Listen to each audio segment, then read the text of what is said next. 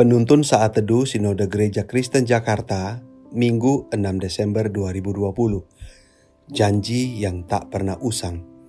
Kejadian 3 ayat 15. Aku akan mengadakan permusuhan antara engkau dan perempuan ini, antara keturunanmu dan keturunannya. Keturunannya akan meremukkan kepalamu, dan engkau akan meremukkan tumitnya. Saudaraku, pandemi COVID-19 telah menghantam hampir semua elemen kehidupan manusia, termasuk elemen pernikahan. Sudah santer di telinga kita bahwa banyak rumah tangga yang bubar di tengah jalan lantaran masalah ekonomi berkepanjangan dalam pernikahan mereka. Baru beberapa bulan kesulitan ini melanda, sudah banyak pasangan yang melupakan janji setia mereka di hadapan Tuhan ini adalah contoh janji yang berasal dari manusia. Saudaraku, Kejadian 3 ayat 15 ditulis oleh Musa sekitar 1500 tahun sebelum Kristus lahir. Sejak awal kejatuhan manusia dalam dosa, Allah sudah menjanjikan bahwa akan lahir dari keturunan Hawa, dia yang akan meremukkan kepala si ular.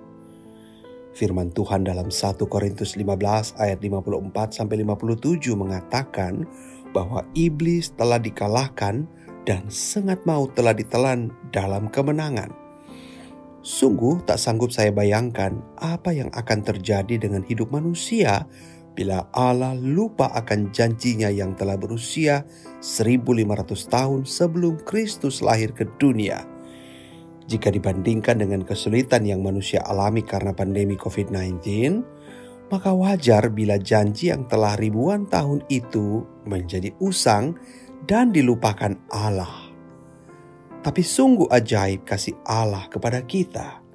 Dalam kasihnya yang kekal dan kuasanya yang ajaib, ia telah berjanji untuk menyelamatkan kita dari bahaya terbesar sepanjang masa, yaitu maut yang kekal. Kasihnya yang terlalu besar atas kita sungguh tak bisa dibendung oleh kuasa sekali berdosa dan maut.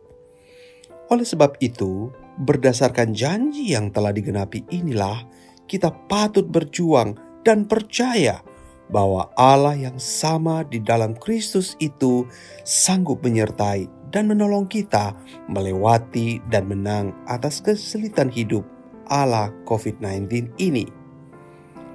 Saudaraku, kita tidak tahu sampai kapan COVID masih akan mewabah di antara kita. Kita tak tahu berapa banyak lagi korban yang akan berjatuhan. Kita tak tahu sampai kapan pelambatan ekonomi ini masih mempengaruhi pekerjaan dan usaha kita. Namun, satu hal yang harus kita tahu bahwa Allah selalu menepati janji-janjinya kepada kita. Janji terbesar yang pernah dijanjikannya kepada manusia telah digenapi oleh Kristus.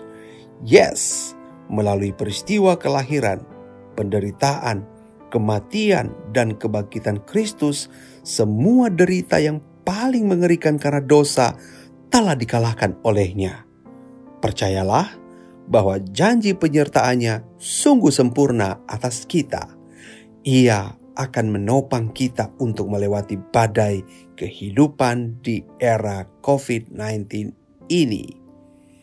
Kehadiran Kristus dalam kehidupan kita adalah bukti terbesar penggenapan janji Allah.